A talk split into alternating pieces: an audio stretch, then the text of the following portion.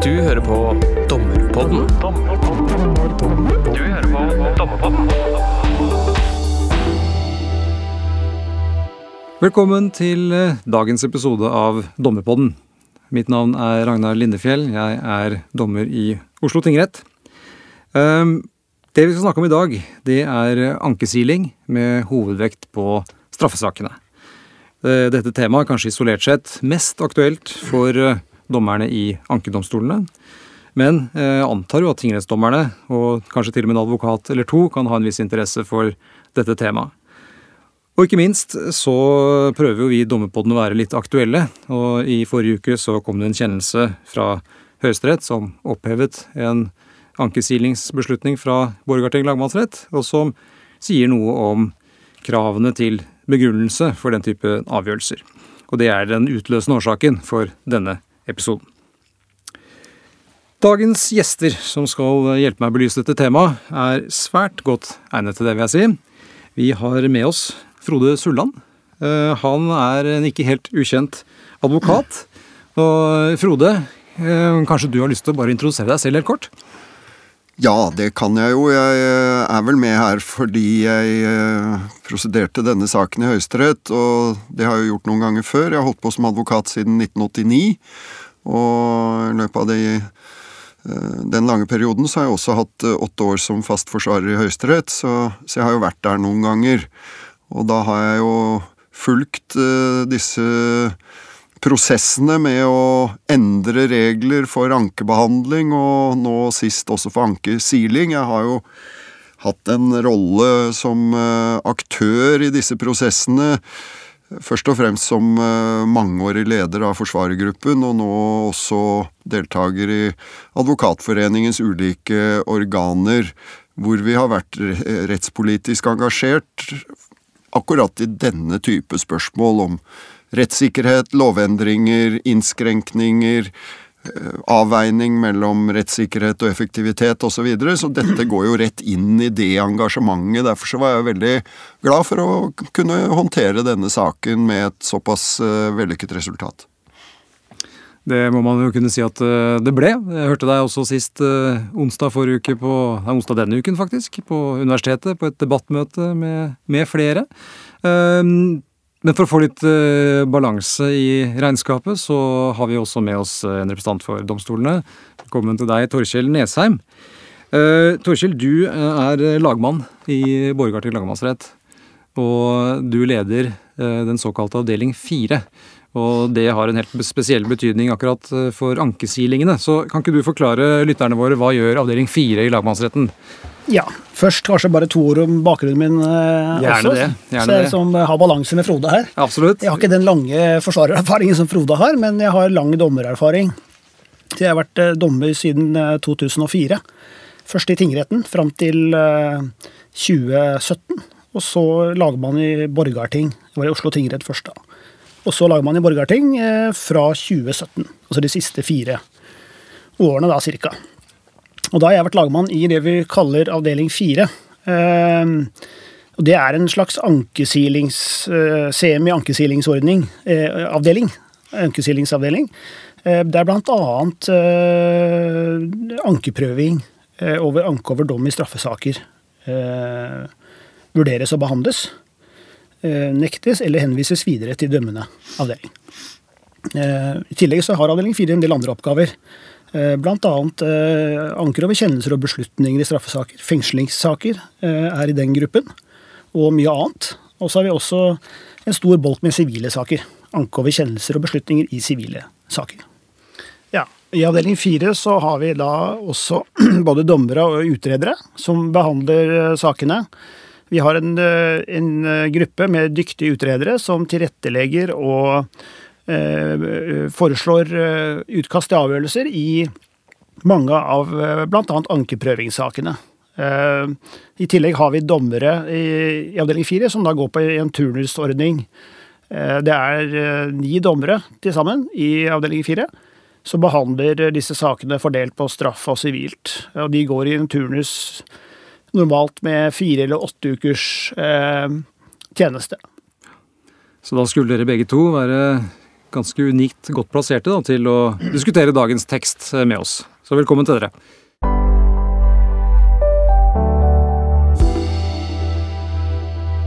Før vi lar dere to komme til orde um, for å opplyse våre lyttere, så tenkte jeg bare å forsøke å trekke opp noen utgangspunkter for de av våre lyttere som kanskje ikke har lest høyesterettskjennelse i forrige uke, eller som har ankesilingsreglene helt present. Um, og hvis vi skal gå helt til kjernen, så følger jo da reglene om ankerett av uh, for menneskerettighetene. Det følger av MK tilleggsprotokoll nummer 7 artikkel 2 at enhver som er kjent skyldig av en domstol i en straffbar handling, skal ha rett til å få skyldspørsmålet overprøvd i en høyere domstol. Uh, det følger også av FN-konvensjonen om sosiale og politiske rettigheter at enhver som er domfelt for en forbrytelse, skal ha rett til å få domfellelsen på straffeutmålingen overprøvd av en høyere instans. I uh, straffeprosessloven så er ankeretten nedfelt i kapittel 23, som inneholder en rekke regler om, om anke. Uh, og selve ankeretten fremgår av paragraf 306, for de som er, uh, vil gjerne ha det presist. Klart at dette er jo en rettighet som vi som regel oppfatter som helt selvsagt. Og klart at det som bærer rettigheten, kan vel kanskje sammenfattes med stikkordet rettssikkerhet. Uh, hensynet til et materielt riktig resultat og erkjennelsen at resultatet ikke alltid blir riktig første gang, uh, er nokså selvsagte begrunnelser for en overprøvingsrett, gitt de alvorlige konsekvensene en feil avgjørelse har. Uh, jeg tenker også at det har en side til den prosessuelle rettferdigheten, altså den tilliten til domstolen som vi er avhengig av blant brukere, aktører og, og allmennheten for øvrig. Samtidig så er det sånn at anke, ankeretten er ikke absolutt. Og den er begrenset, og særlig i eh, straffeprosessloven § 321 annet ledd, hvor det står, og, og, dette er et sentralt punkt for dagens tekst, det er nemlig at uh, anke til lagmannsretten kan for øvrig nektes fremmet når retten finner det klart at anken ikke vil føre frem. Retten i denne sammenheng er uh, tre dommere i lagmannsretten som ved skriftlig behandling, basert på tingrettsdommen, sakens dokumenter og anke- og anketilsvar, vurderer om saken skal slippes inn til full ankeprøving. Det krever enstemmighet, og siden 2008 også krav til begrunnelse. Hensynene som begrunner si, begrensningen i ankeretten, er jo, som Sulland var inne på i sin innledning her, egentlig grunnleggende sett effektivitetshensyn. Uh, rettspleien rår over gitt, en gitt mengde ressurser, og i et, uh, dette nullsumspillet, som man kan kalle det, så vil jo de ressursene som brukes på klart håpløse anker, bedre kunne brukes på de ankene som byr på tvil. Det som man selvfølgelig da mister på veien i en sånn vurdering, det er jo noen prinsipper som vi ellers er ganske glad i, som muntlighet, umiddelbarhet, offentlighet og kontradiksjon. Men reglene regelen om ankesiling har vi for så vidt hatt i eh, lang tid, siden eh, toinstansreformen midt på 90-tallet. Men det har inntil nokså nylig gjeldt et nokså sentralt unntak. For saker med strafferamme over seks år, det som vi normalt kaller seksårssakene, så var ankeretten absolutt. Imidlertid ble den regelen opphevet 1.1.2020, slik at alle saker, også de mest alvorlige seksårssakene, nå skulle siles med utgangspunkt i klarhetskriteriet i 321. Um, det er bakteppet for dagens episode. Så La oss starte med det helt grunnleggende. Jeg eh, tenkte i mitt stille dommerskinn at eh, det egentlig ga ganske god mening at eh, man ikke hadde en begrensning på seksårssakene når det gjaldt ankesilingen. Alle saker kan for så vidt godt være klart ikke føre fram, eller at det ikke er klart, og da skal de behandles.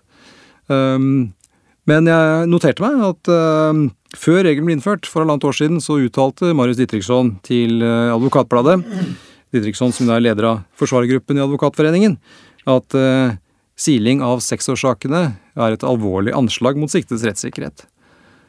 Så la oss starte der. Er silingsordningen uh, et anslag mot den siktedes rettssikkerhet sånn som i prinsippet, eller handler det om utformingen og praktiseringen? Frode? Ja, Det henger jo nært sammen, akkurat det. Fordi når det ble advart mot dette, så var det jo nettopp ut fra en bekymring for hvordan praksis kunne utvikle seg. Og vi må vel si for den praksis som har vist å utvikle seg. Um, fra Advokatforeningens side så, så fulgte vi jo da opp mindretallet i straffeprosesslovutvalgets innstilling fra 2016, hvor det var en, en klar dissens begrunnet i en uh, uro for hvordan dette ville kunne åpne opp for å eh, miste toinstansbehandlingen, ankemuligheten, også i de alvorligste straffesakene. Og, og dette er jo et, et, grunnleggende og problematisk spørsmål, forankret i nettopp de grunnleggende prinsippene du var innom at man mister på veien, men også i at ved dette så må man huske på at man har fått en endring fra en situasjon hvor alle de alvorligste straffesakene gikk direkte inn for en lagrettevurdering. Øh, det er altså ikke bare at man ved dette øh, mister de grunnleggende prinsippene om uh, muntlighet, bevisumiddelbarhet og kontradiksjon, men man har jo også hevet ut hele legmannselementet i denne uh, bevisvurderingen. Nå sitter det tre sikkert flinke dommere i lagmannsretten og mener noe om bevis, der hvor det tidligere satt ti lege, kvinner og menn og mente noe om bevis i de alvorligste straffesakene. Så selv om det da skjer i en annen runde, og opprinnelig så, så, gikk det jo direkte for juryen i første instans, men vi hadde jo en lengre periode hvor man anket også til, og hadde etter toinstans en, en uh, ankeadgang, en uh, ubetinget ankeadgang, til lagmannsrett med disse ti legemenn og -kvinner. Og det har altså, jeg kalte det i Høyesterett, i skranken, en stille revolusjon i strafferettspleien som har funnet sted. Og det tror jeg berører noe grunnleggende som du var inne på. Et, spørsmål om tillit, et spørsmål om forståelse av å få en trygg og god behandling gjennom to runder. Så dette har nok noe med en opplevelse av rettssikkerhet også som system i utgangspunkt. Det var det lange vei til det svaret. Jeg tror nok at det er en, en, en, en grunnleggende opplevelse av at systemet som sådan svekker rettssikkerheten, men det er jo først og fremst praktiseringen som har gjort oss urolige, eh, fordi den har vist seg å bli slik vi fryktet. Ja, Torkil? Ja, eh, jeg tror eh, altså Hvis vi tar utgangspunkt i utsagnet fra Marius Didriksson eh, om at det var et alvorlig anslag mot eh, de siktedes rettssikkerhet, så tenker jeg det er, det er nok litt for grovt og fortegnet. Eh, jeg tror det er grunn til å skille mellom en sidelingsordning som sådan, eh, at man har regler om det, eh, og praktiseringen. Litt som Frode er inne på. Det er klart at Praktiseringen her blir viktig eh, for å vurdere ordningen som en helhet. Men at man har en silingsordning, tenker jeg utgangspunktet var, var temmelig godt begrunnet når dette ble innført. Altså Dels så hadde man en stillingsordning fra før for de mindre alvorlige sakene. Eh, og så er det jo et bakteppe her at det ble jo opplevd fra, ikke bare fra dommere, men også fra andre eh, aktører, at en god del av de sakene som automatisk kom inn, og hadde full ankerett med muntlig behandling, Eh, var saker som var eh, veldig klare fra før. Har du, har du noe eksempel på hvilke type saker var det, Torkjell? Det, det, kan, det kan jo f.eks. være narkotikasaker, ja, der det er åpenbare bevis som man har tatt med, med si, hendene i, i, beslaget, eller tatt på fersk gjerning osv. Men også noen andre sakstyper. Så, så noe av bakteppet var jo at man ønsket eh, også her å kunne ha Eh, en viss terskel før man, man ubetinget skulle få en rett til å eh, få en full ny behandling. Eh, altså Noen av sakene hadde en karakter av sandpåstrøing. Og, da, og da, eh, I det ligger jo litt sånn hensynet til prosessøkonomi og effektivitetshensyn. Som, som, ligger litt bak. Det er ikke fornuftig ressursbruk å bruke eh, de ressursene på enhver sak. Eh, Det ble jo nevnt eh, Breivik-saken her i debattmøtet tidligere i uka. altså Sett bort fra tilregnelighetsspørsmål osv. Men det kan være andre saker òg der det på en måte er man kan stille et spørsmål om, er, om man skal ha en helt ubetinget rett. Altså frigjøre ressurser, fornuftig ressursbruk. er en viktig del. Og så er det jo klart at en, Et tilleggshensyn har også vært eh, hensynet til fornærmede i en del saker. Der det er klare saker. Eh, at man reduserer belastninger for fornærmede ved å få en ny, full runde med muntlig ankeforhandling. Det er jo ikke noe sånn veldig, I en del saker så er ikke det noe hensyn i det hele tatt, men det er jo et moment i de sakene du er fornærmet deg med, forutsatt at terskelen man over, altså at man er eh, over denne terskelen, eh, klarhetskravet eh, osv. Og så er det jo et bakteppe her også man ikke skal glemme. Det er at i forbindelse med at seksårssaken også kom inn under silingsregimet, det var at toinstansreformen hadde da fungert over en ganske lang tid.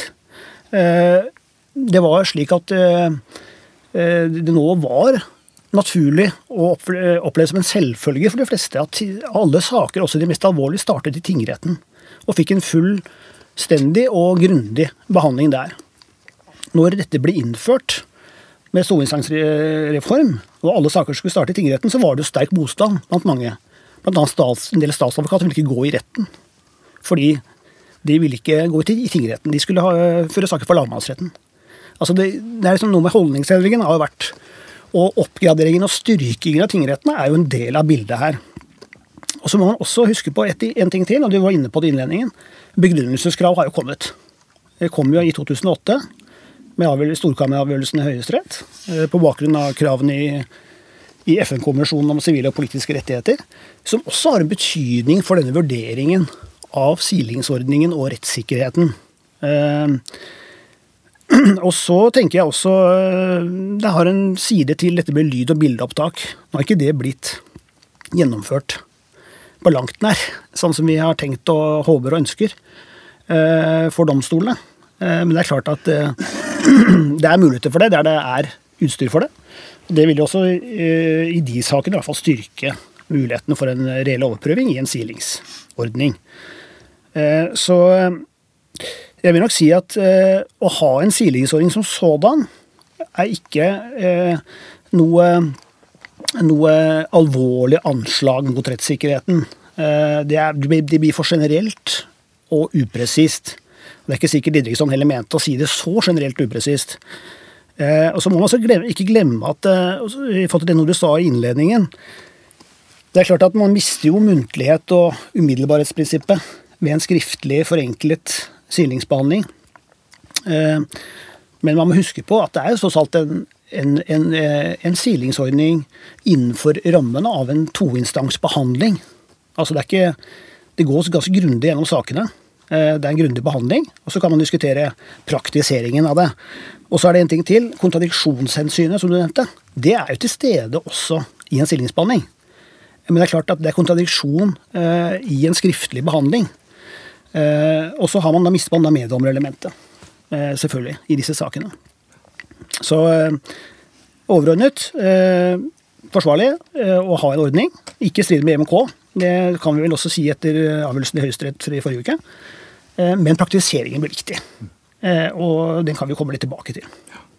Som relativt fersk da konstituert dommer i, i lagmannsretten, så har jeg lyst til nå å komme med noen refleksjoner. Men jeg tror jeg skal avstå, så skal jeg la det Frode få lov til For jeg tror du har lyst til å si noe her, Frode. Ja, nei, jeg syns kanskje ikke vi skal forlenge denne, denne prinsippdiskusjonen om silingsordningen som sådan. Fordi det er jo den konkrete håndtering og praksis. Vi er enige om at det er det sentrale nå. men men det er mye som kunne sies rundt dette på et prinsipielt nivå. og for eksempel, bare for å ta tak i dette siste eh, kontradiksjon er jo ikke All kontradiksjon er jo ikke god nok kontradiksjon. Det er en form for kontradiksjon, men den forutsetter jo for eksempel at uh, vi som advokater får godt nok betalt for å skrive disse ankene og mm, prosesskrivene knyttet til den ankeprosessen, for at den kontradiksjonen skal være reell. Dessuten og det belyser jo denne saken veldig godt, det å ha kontradiksjon rundt forklaringers pålitelighet og troverdighet, det skjer jo ikke gjennom skriftlig innlegg, det skjer jo gjennom en eksaminasjon i en muntlig prosess. Så, så det er Man kan ikke drive og pakke inn denne, hva skal vi si, eh, ankebehandlingen i altfor pent papir, altså. Det er en veldig redusert Man kan kalle det en reell overprøving, det er et ord som har vært brukt, men, men det, det, ligger veldig langt unna den muntlige ankeforhandling. Jeg tror vi kan konkludere med det som eh, Torkil sier er helt riktig, nemlig at eh, en, en silingsordning den er ikke i strid med våre internasjonale forpliktelser. På den måten så er den definert på en måte som rettssikker nok, men den har sine alvorlige mangler og er i hvert fall svært annerledes enn en fullt muntlig forhandling, og der kommer vi over til hvor skal grensen trekkes. Mm. Og det, det, tenkte jeg vi, vi skal komme dit eh, nokså raskt. Eh, men jeg tenkte et bitte lite sidespor først, fordi at um, det virker jo at de aller fleste iallfall tenker at uh, en ankesilingsordning i seg selv uh, er innafor det akseptable. Spørsmålet er hvordan den praktiseres. Og, og, jeg var i liten grad kjent med hvordan den faktisk ble praktisert i lagmannsretten før jeg havnet der for kort tid siden. Og jeg tror også Det var en refleksjon jeg hadde etter dette debattmøtet på universitetet denne uken også, at jeg tror ikke det er så mye kunnskap om hvordan dette rent faktisk skjer.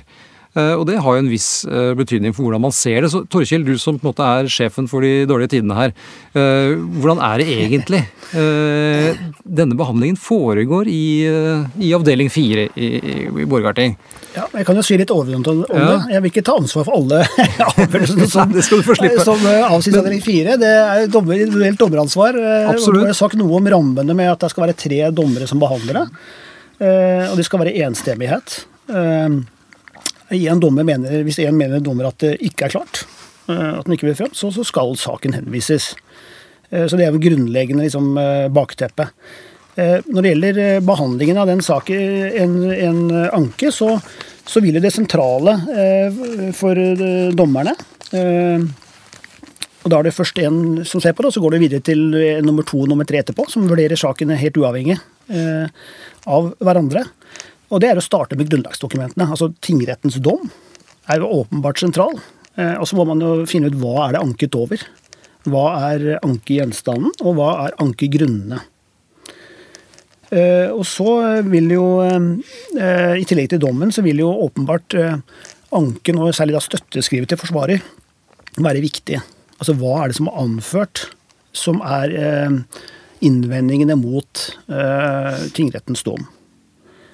Og det kan jo være veldig mye forskjellig, avhengig av, av saken. Om det ankes over skyldspørsmålet, om straffeutmålingen, saksbehandlingen, lovanvendelsen osv.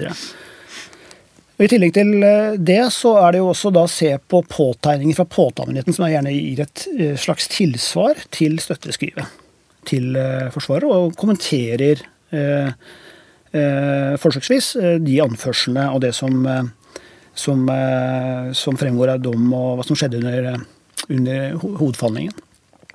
Så det er de viktigste dokumentene vi vurderer. I tillegg så har vi jo tilgang til politidokumentene i saken. Eh, saksdokumentene i straffesaken. Eh, og det kan vi jo støtte oss på.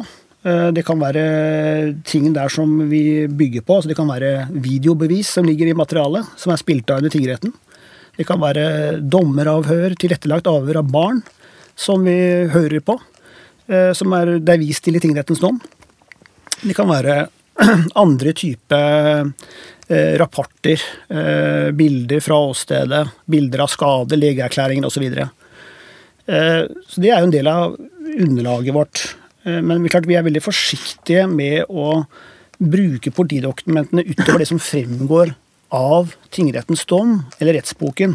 Altså hva som har vært eh, behandlet Eh, og forhandlet over, og det har vært kontradiksjon rundt i tingrettsbehandlingen. Altså Vi er veldig forsiktige med å bygge ut bevisgrunnlaget. Eh, det, da skal man heller henvise, for å si det sånn. Da er det ikke forsvarlig å nekte eh, eh, anken.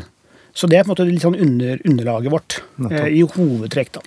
Og, og, bare i forlengelsen av det, nå har jo dette, nå har ordningen eh, vært operativ i halvannet års tid ca. Mm. Uh, hvordan, hvordan, ser tallene ut?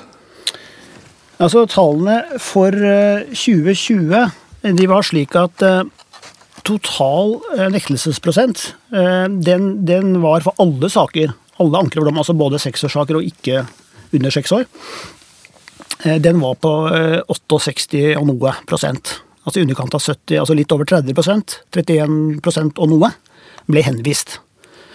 Eh, Og så er jo den største gruppen av de som blir eh, nektet, det er ikke seksårssakene. Eh, sånn i, i, I hele tall, altså hvis du ser på den totale mengde saker som ble nektet i 2020, så var fordelingen sånn at eh, 88 og noe prosent av de som ble nektet, var, var ikke seksårssaker. Og eh, 11,5% omtrent var seksårssaker. Men de er av hele totalen, så du skjønner. Eh, og hvis du ser på tallene for, eh, eh, for seksårssakene eh, isolert, for den gruppen saker, så var i underkant, altså 39 og noe, ble nektet i, i 2020. Og dette er for uh, Borgarting. Dette er for borgerting. Vet vi noe om uh, hvor representativt det er for de andre lagmannsrettene der ute? Det er vel uh, ikke Jeg tror ikke de ligger noe høyere, i hvert fall, enn Borgarting. Uh, Jeg tror heller eh, tallene ligger vel kanskje omtrent der, men kanskje noe lavere. Noe lavere på landsbasis. Nå husker jeg ikke helt de tallene. Det er mulig Frode har det fra Ja, Høyesterett. vi innhentet jo Altså, det ble gjort alvorlige forsøk fra både Riksadvokatembetet og vår side på å innhente gode tall fra alle lagmannsrettene. Det viste seg å ikke være veldig lett. Det viste seg, og det ble også tatt opp på dette møtet øh, på Gamle festsal, at øh, statistikkgrunnlaget her må bli betydelig bedre. Um, og, det vi endte opp med, og da var det jo på bakgrunn av tall eh, for 2021, eh, med et, eh, et anslag eh, som var omforenet, at det totalt lå rundt 80 eh, på, for alle typer saker, mens at det for seksårssakene lå rundt 50 eh, Og at dette har altså gått oppover. Og at det var en omforent oppfatning basert på de tallmaterialet som ble lagt fram eh, for Høyesterett, at det, det lå rundt 50% som ble nektet av seksårssakene. Så det var det man eh, la til grunn etter en felles, eh, felles forståelse. Eh, Detaljene i det tallgrunnlaget har jeg ikke tatt med meg nå, så det har jeg ikke foran meg. Det lå i et omfattende, gigantisk utdrag for Høyesterett, men, men det var der vi liksom konkluderte. Jeg kan jo bare supplere der. Altså, det er jo helt riktig som Frode sier, at eh, rapportsystemet vårt, saksbehandlingssystemet vårt, Louise med rapporter som vi kan ta ut av tall, det er for dårlig. Eh, og det er annet for dårlig fordi at i, i, når jeg snakker om seksårssaker og at 39,5% eller hva det var, eh, i fjor ble nektet, så er det alle seksårssakene. ikke sant? Det er både skyldanker, det er straffeutmålingsanker osv. Slik at eh, Vi får ikke noe veldig godt grunnlag der, så der har vi jo bedt eh, særskilt Domstoladministrasjonen om å utvikle et bedre system. Vi ønsker jo det også. Vi vil gjerne overvåke dette på en bedre måte enn vi får gjort nå. Nå er det manuell telling i så fall. Og når Frode sier disse tallene fra 2021, så er det sikkert ganske riktig. Eh, at, at fordi at For 2021 så får vi jo fullårsvirkningen av, eh, av seksårssaksendringen. Eh, Slik at det blir høyere eh, for 2021 for 2020. Det er det grunn til å tro. Eh, Og så eh, får vi jo se hvor tallene ender. Eh, Jeg tror nok kanskje at nektelsesprosenten vil ende noe under 50% i seksårssakene. Men, eh, men eh, forsvarere og andre vil jo mene at det også er urimelig høyt. Eh, Og Det får vi komme tilbake til. og, og her, Det handler jo også litt om eh, praksis, eh, kursjustering osv. Og, så videre, og eventuelt innstramminger etter siste avgjørelse i Høyesterett. Og det tenker jeg skal være vår, vår inngangsport til nettopp den siste avgjørelsen av Høyesterett.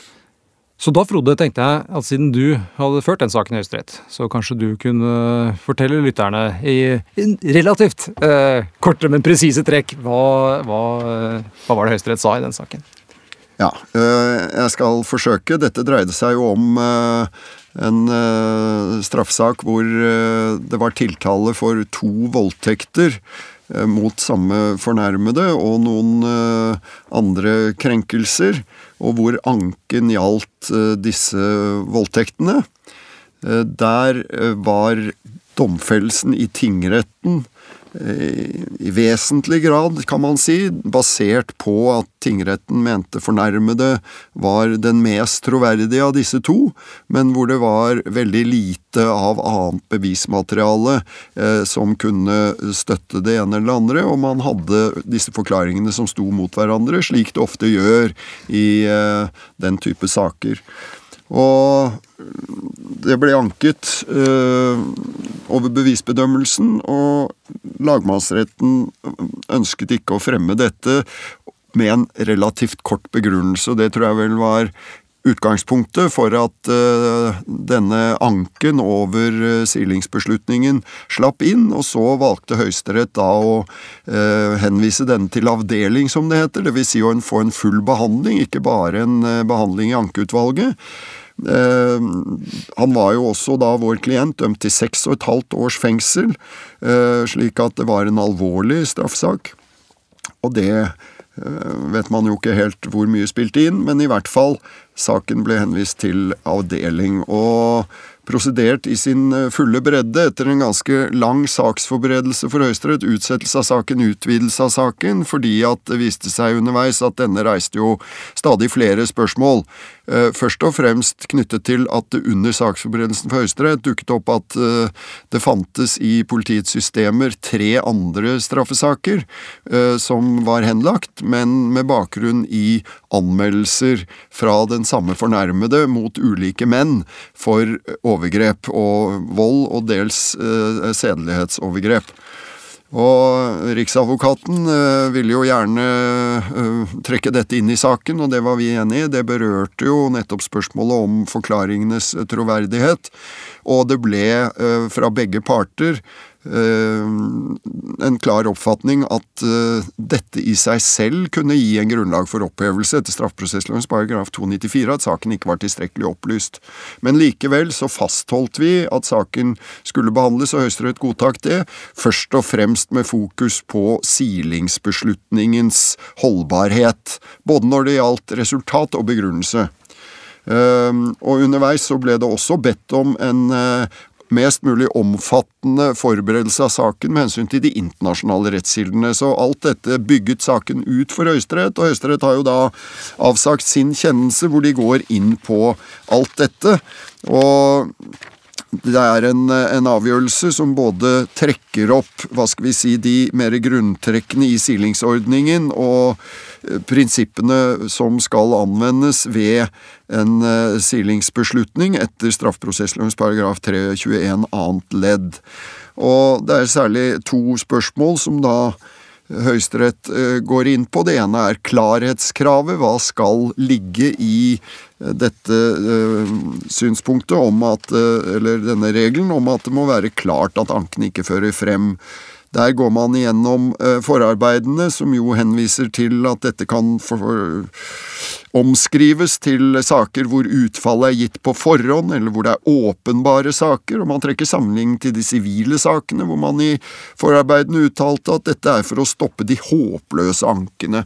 Så det er mange ulike uttalelser i forarbeidene. Regelen er jo akkurat den samme i tvistelovens paragraf 29-13, og Høyesterett peker på dette som retningsgivende for hvor strengt dette vilkåret skal være. Og Høyesterett uttaler, jeg tror det er fire ulike steder i dommen, at det er et strengt krav for å understreke dette. Eh, terskelen er meget høy, sier også Høyesterett. Så går man inn på forsvarlighetskravet, som jo har utviklet seg i rettspraksis som et eh, hva skal vi si, et slags eh, tilleggs av vurderingstema. At det må være en vurdering av om eh, det er forsvarlig å nekte anken fremmet. Det er et slags toleddet krav, sier Høyesterett. Eh, at det bare kan nektes fremmet dersom det er forsvarlig å avgjøre det på grunnlag av denne skriftlige silingsbehandlingen. Men i dette så ligger det også en vurdering av om behandlingen i tingretten var forsvarlig. Så det er et, et, et todelt uh, krav, og hvor uh, man uh, har referert til tidligere ankeutvalgsavgjørelser i Høyesterett om hvor grensen skal ligge, kanskje da særlig i forhold til denne type saker, hvor det er ord mot ord, og hvor forklaringer er det sentrale i bevisbildet. Men Høyesterett understreker generelt at det konkrete bevisbildet i saken er sentralt. Så går man over til å si noe om begrunnelsen, som eh, jo også tidligere har vært viktig, men som, som nå eh, Fokus har nok flyttet seg gjennom denne avgjørelsen mer mot hva skal vi si, avgjørelsens innhold enn avgjørelsens begrunnelse. Og For oss var det veldig viktig i Høyesterett at dette dreier seg ikke om at man så å si kan begrunne seg ut av et uh, dårlig standpunkt. Standpunktet som sådan er helt sentralt, nemlig spørsmålet skal man ha en muntlig ankebehandling. Og selv om man da går utførlig gjennom tingrettens dom, anførsler og tilsvar og alt mulig, så, så, så, så stiller dommen krav til resultatet av silingsbehandlingen. Og det forankres også for så vidt i de kravene som EMK uh, eh, har stilt, og at uh, praksisen fra domstolen i Strasbourg ble veldig omfattende prosedert i Høyesterett.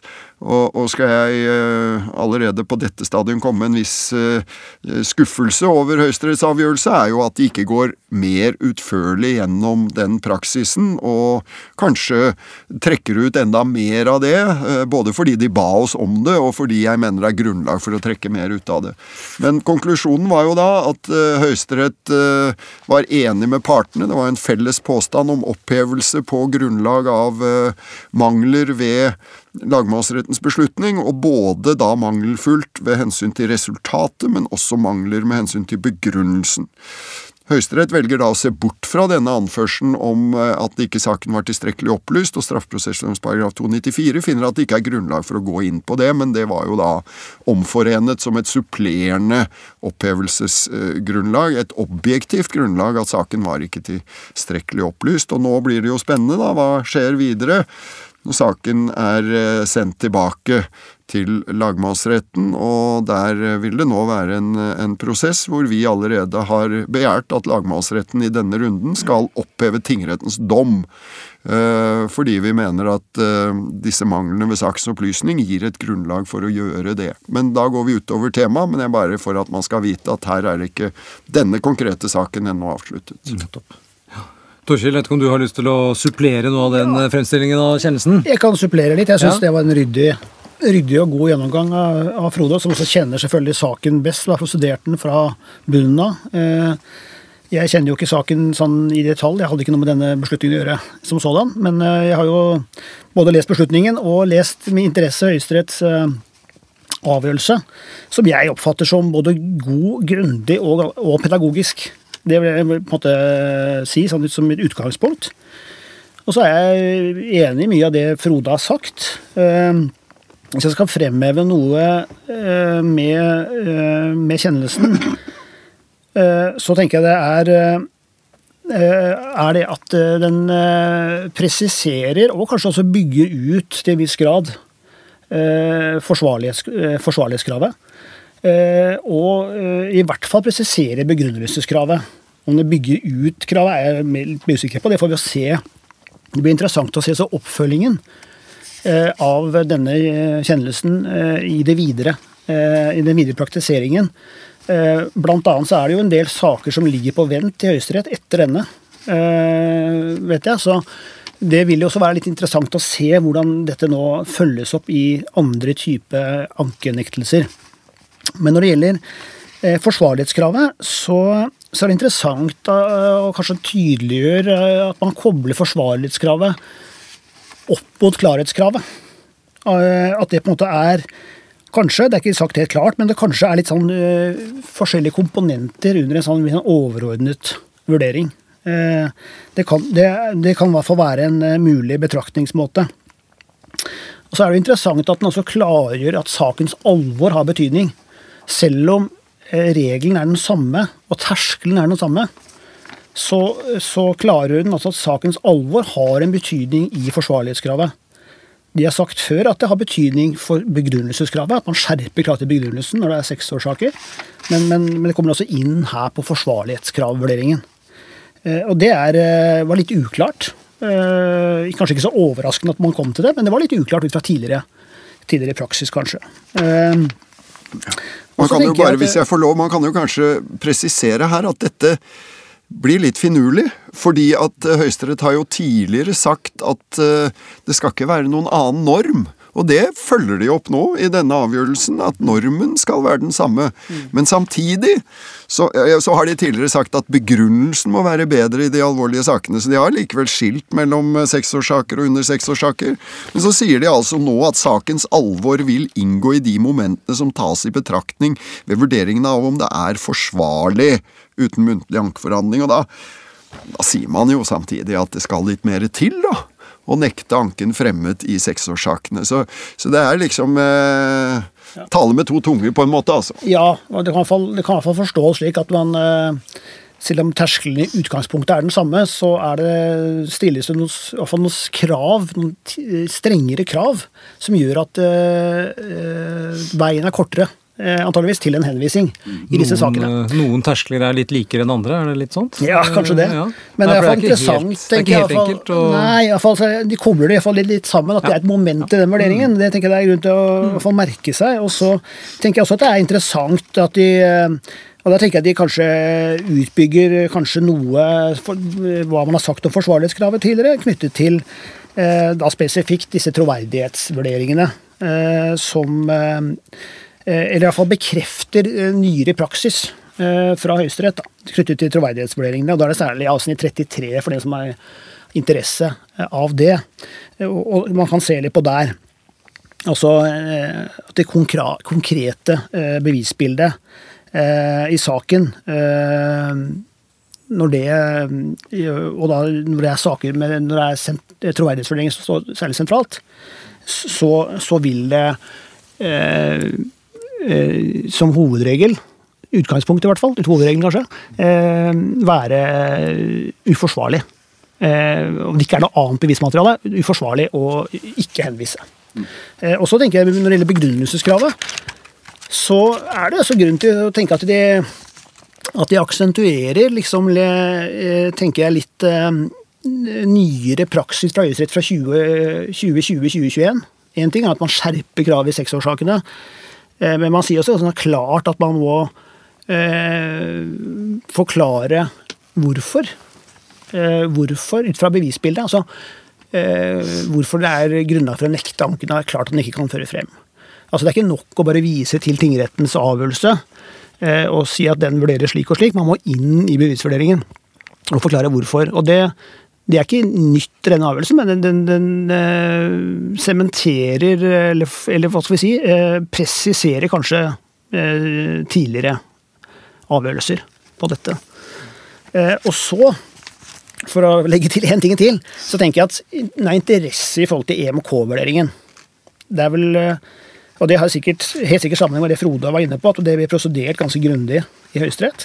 Jeg tenker den går ganske langt inn og vurderer EMK eh, artikkel 6, betydningen av rettferdig rettergang, og at den eh, EMKs, EMK artikkel 6-vurderingen eh, også kan ha en betydning eh, for forsvarlighetsvurderingen og begrunnelseskravet. Eh, og så er det litt sånn, Jeg har ikke sagt så mye i detalj om det. jeg tenker Der kanskje ligger noe mat for senere saker.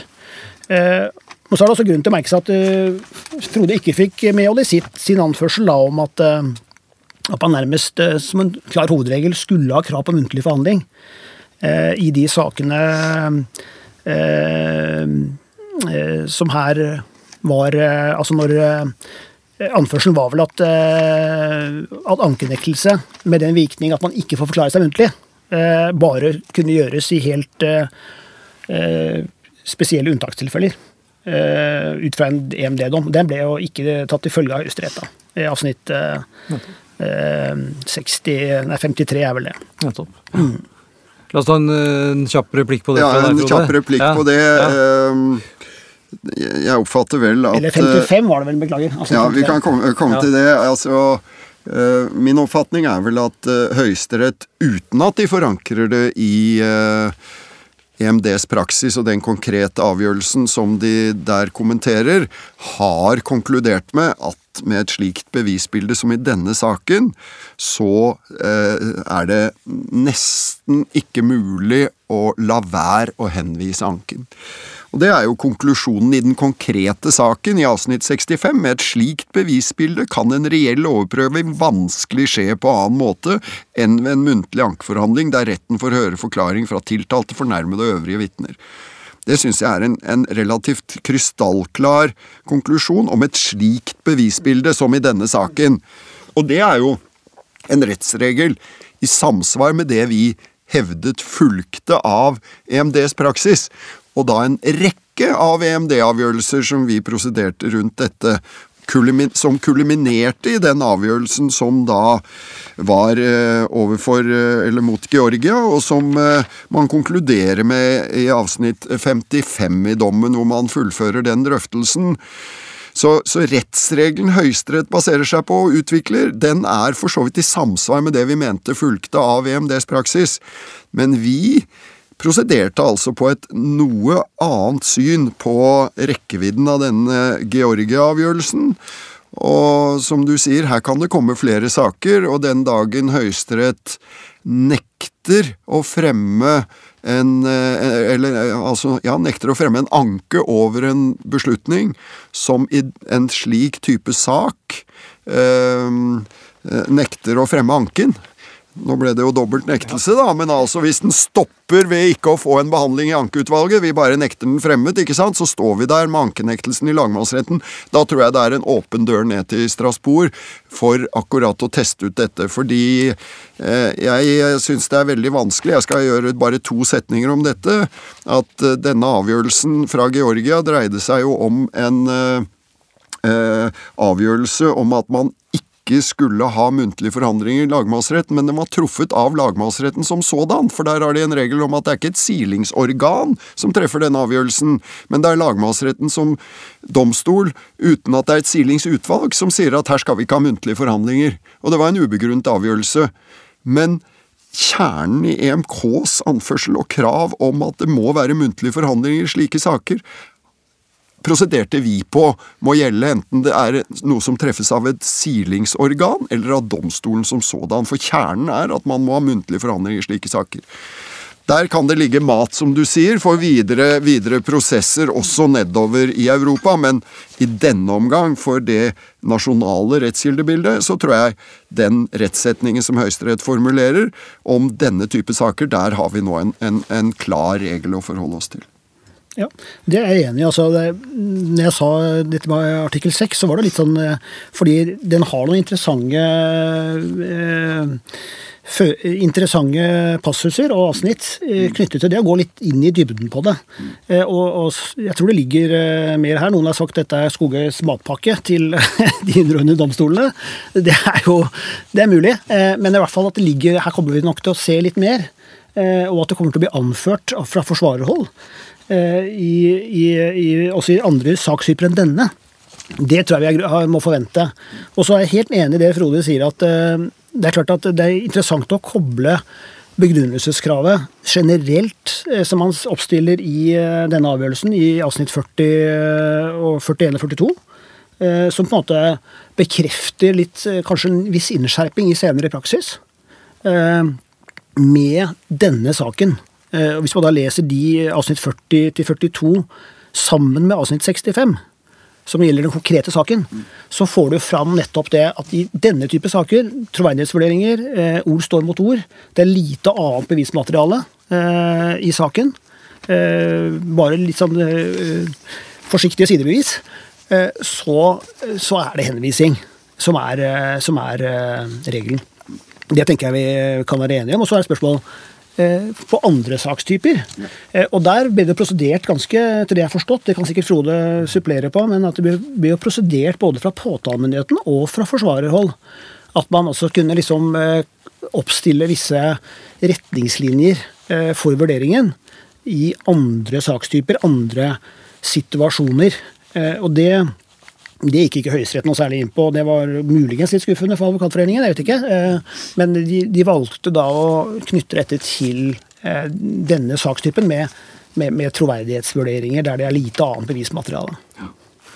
Vi, eh, vi skal snart tenke på en liten avrunding her, eh, dere. Men eh, Frode, du skal få lov til å Jeg ser at du, at du, har, du har mye på hjertet. Ja. Så Men jeg kan bare, bare bekrefte dette, da. Og det, det, det er spor av det i, eh, i Høyesteretts avgjørelse. F.eks. i avsnitt 29 hvor man viser til tidligere avgjørelser hvor man har ment at det ikke var forsvarlig å nekte anken i andre type tilfeller, hvor, hvor tingrettens dom ikke tilstrekkelig har drøftet f.eks. skyldkrav eller nødverge, og hvor bevisbildet, det understreker de jo, er det sentrale, og det kan jo være et bevisbilde med andre bevistyper som fordrer en overprøving eh, i en ankeomgang, f.eks. Eh, sakkyndighet, eh, teknisk bevis osv., som skulle vært vurdert som man ser at tingrettens behandling ikke har vært tilstrekkelig, og man må, og, og ikke minst det du var inne på, hvis man eh, har i silingsomgangen prøvd seg på å grave ned i de politidokumentene og basert seg på noe som ikke har vært gjenstand for kontradiksjon. Dette er ulike typer tilfeller hvor Høyesterett tidligere i ankeutvalget har slått ned på det, og hvor vi videreutviklet det i Høyesterett i skranken for å prøve å få Høyesterett med på å liste opp mer eh, helhetlig i hvilke tilfeller man ikke kan nekte en anke fremmet, men hvor de begrenset seg til denne sakstypen, og det er ikke så overraskende. Men bare hvis du nærmer deg en avslutning, så er det jo noe som helt mangler i denne avgjørelsen, og det er jo en drøftelse av kan-vilkåret i paragraf 321 annet ledd. Det er jo slik at man kan nekte anken fremmet hvis det er klart at den ikke fører fram. og Det betyr jo at man kan altså fremme den selv om det er klart at den ikke vil føre fram. Og Det problematiserte vi jo i Høyesterett, og det er jo et spørsmål som berører f.eks. Eh, hva skal vi si sakens alvor. Det berører kanskje offentlighetens oppmerksomhet om en sak. Det kan være, la oss ta en Breivik-sak eller andre saker, hvor, hvor det å ikke ha en, en, en, ny drøftelse, en ny prøving, og det ligger jo da en sak og venter, Bertheussen-saken, hvor man ennå ikke har fått en avgjørelse fra Høyesterett. Og da vil kan-vilkåret kanskje lettere komme i spill. Og hva skal kunne legges vekt på i den vurderingen, det prøvde vi å få Høyesterett til å si noe om. Det sa de ingenting om, det berøres overhodet ikke, og der ligger det fortsatt mye uavklart. Det blir jo spennende å se bl.a. om det følges opp i disse som ligger nå og venter. Mm. Men det er klart, sånn, ut fra tidligere praksis og det som er sagt om kan-vilkår i forarbeider osv., så, videre, så man, har man jo kanskje først og fremst tenkt på saker som er, reiser noen prinsipielle spørsmål, eller som har, er uavklarte i forhold til retts, rettsspørsmålene. Eller det er andre helt spesielle forhold. Vi har noen få eksempler på at vi har henvist eh, etter den bestemmelsen, men det er veldig sjelden. Veldig sjelden. Ja, og når dere henviser, så begrunnes det vel ikke, så det vet vi andre litt nei, da. om. Nei, nei, da, da blir den bare henvist. Nei da, men vi har jo en, blant annet denne IS-kvinnesaken. Mm. Eh, den er jo ble henvist, og der var det jo eh, i hvert fall kan-vurderingen var inne i bildet. for å si det sånn, og Påtalemyndigheten faktisk eh, også mente at den burde henvises mot, eh, mot, normalt, for å si det sånn. Ja, Gjorde de det der, ja? ja. ok. Det der. Ja, men det var det er noen få eksempler på at Ja. eh, Og det var jo ut fra litt sånn eh, prinsipiell betraktning at eh, her trenger vi rettsavklaring osv. Ja, Men da kan jeg ikke lenger si det jeg sa i gamle festsal, om at jeg ikke er kjent med noen saker hvor eh, påtalemyndigheten har eh, Nei, det- ment at det, dommen er riktig, men likevel har Det villet. finnes noen få unntak, men det er klart at eh, hovedinntrykket er jo helt riktig som Frode sier, at det er jo, det er jo veldig sjelden påtalemyndigheten eh, går nå inn i den vurderingen, og den overlater de til domstolen, egentlig. eh, Om den skal eh, Men det er jo flott at det har i hvert fall oppnådd én ting, og det er jo at du, Frode, har skiftet mening i en, et spørsmål. Det skal man jo være glad for Ja, ja. å gjøre av og til. Bra. Da nærmer vi oss, tror jeg, veis ende for, for denne reisen inn i silingsadgangen. Men som dere begge to har vært inne på, her ligger det jo antagelig mer stoff og venter. Eh, Det blir spennende å se utviklingen både når det gjelder silingsprosenten i lagmannsretten rundt omkring, og for så vidt også om vi får ytterligere avklaringer fra, fra Høyesterett om de mange spørsmål som denne materien reiser. Eh, Frode, jeg om du lyst til å prøve deg på en avsluttende spådom? Ja, hvordan dette kommer til å gå? Ja, jeg har jo tillatt meg en eh, spådom eh, i retning av at denne silingsprosenten bør gå drastisk ned. Og jeg har til og med tallfestet at uh, Min eh, spådom er at den vil halveres, altså at seksårssakene vil henvises rundt 25-30 istedenfor nå 50 eh, Men eh, skal det skje, så er jo nødvendig at lagmannsrettene settes i stand til å håndtere dette, ellers så blir det jo veldig vanskelig. Det vil kreve mer ressurser, selv om det er krevende å skrive en omfattende begrunnelse for å nekte en anke fremmet, så er det mye mer krevende å fremme den, totalt sett for domstolen. og Derfor så håper jeg jo absolutt at lagmannsrettene får de ressursene, sånn at man ikke føler at man må holde på med dette og begrense saksmengden ut fra eh, ressurshensyn. Men dette henger jo også sammen med hvordan påtalemyndigheten vil håndtere det. Og, og, vi har jo allerede sett eksempler på at uh, påtalemyndigheten forsøker å begrense, i hvert fall underordnet påtalemyndighet, begrense rekkevidden av Høyesteretts avgjørelse. Og det håper jeg de slutter med, sånn at vi kan få en, uh, en gjennomføring nå av de prinsippene Høyesterett har trukket opp. Ja, for uh, Fra en sånn dommerståsted så er det klart at vi har jo ikke noe formålsdrevet måte å jobbe på når det gjelder disse sakene. Vi eh, tar stilling til de enkelte ankene etter hvert som de kommer inn. Eh, det tror jeg må være nokså utvilsomt at vi gjør. Så det er kanskje litt vanskelig for oss å mene noe om uh, fremtiden, Torkjell, men, altså, men likevel Det er vanskelig å spå veldig mye om fremtiden mm. her, men uh, det er klart at du, jeg vil ta avstand fra en formulering Hvis det var slik Frode mente det, at vi siler så mye fordi vi skal eh, av ressurshensyn fører oss pålagt eh, i å gjøre det og ikke henvise sakene. Hvis det var det han mente, så tar jeg, det, tar jeg avstand fra det. Klart avstand fra det. Eh, jeg står fast ved at det er en samvittighetsfull og grundig vurdering ut fra lovens krav, og at det er strenge vilkår. Og både klarhetskrav, forsvarlighetskrav og begrunnelseskrav er eh, langt framme i pannebrasken eh, hos de dommerne som eh, vurderer ankestillinger. Så det, det, det, vil jeg ta avstand fra, hvis det, var, hvis, hvis det, var, det som var ment. Når det er sagt, så er det jo grunn til å tro at avgjørelsen fra Høyesterett vil føre til en viss innskjerping av praksis. Eh, jeg tror ikke vi i lagmannsretten oppfatter denne som noen dramatisk avgjørelse som endrer dramatisk på vår praksis. Men den klargjør, presiserer og bygger ut eh, hva som er kriteriene, vurderingstema og terskler. Eh, og eh, i den sakstypen vi her står overfor, i hvert fall, eh, med et eh, troverdighetsvurderinger og lite, lite bevismateriale ellers, så vil jo praksis måtte bli strengere og det må henvises mer. Og i andre saker må man kanskje begrunne eh, bedre. Eh, og eh, også ha forsvarlighetskravet eh, langt framme. Og eh, der det slår inn, så hjelper det ikke hva man begrunner med, for da skal den henvises. Men det er altså grunn til å liksom få fram at det, det, ligger i forarbeidet at det altså ligger en viss rettsutvikling her. Altså Det er sagt i forarbeidene at man overlater til domstolene å ta stilling til, eh, til eh, justeringer i normen eh, som er utviklet i rettspraksis når man innførte seksårssakene. Det er også sagt at man forutsetter at rettspraksis skal fastlegge kravene til begrunnelsens innhold osv. Så, videre. så det vi ser nå med denne avgjørelsen her, er jo en i for seg en naturlig utvikling. Rettsutvikling, en presisering av vilkårene. Men den erfaring man har fått også med disse mest alvorlige sakene. Så, så, min spådom er vel at ja, det kommer til å bli eh, noe mindre nektelser.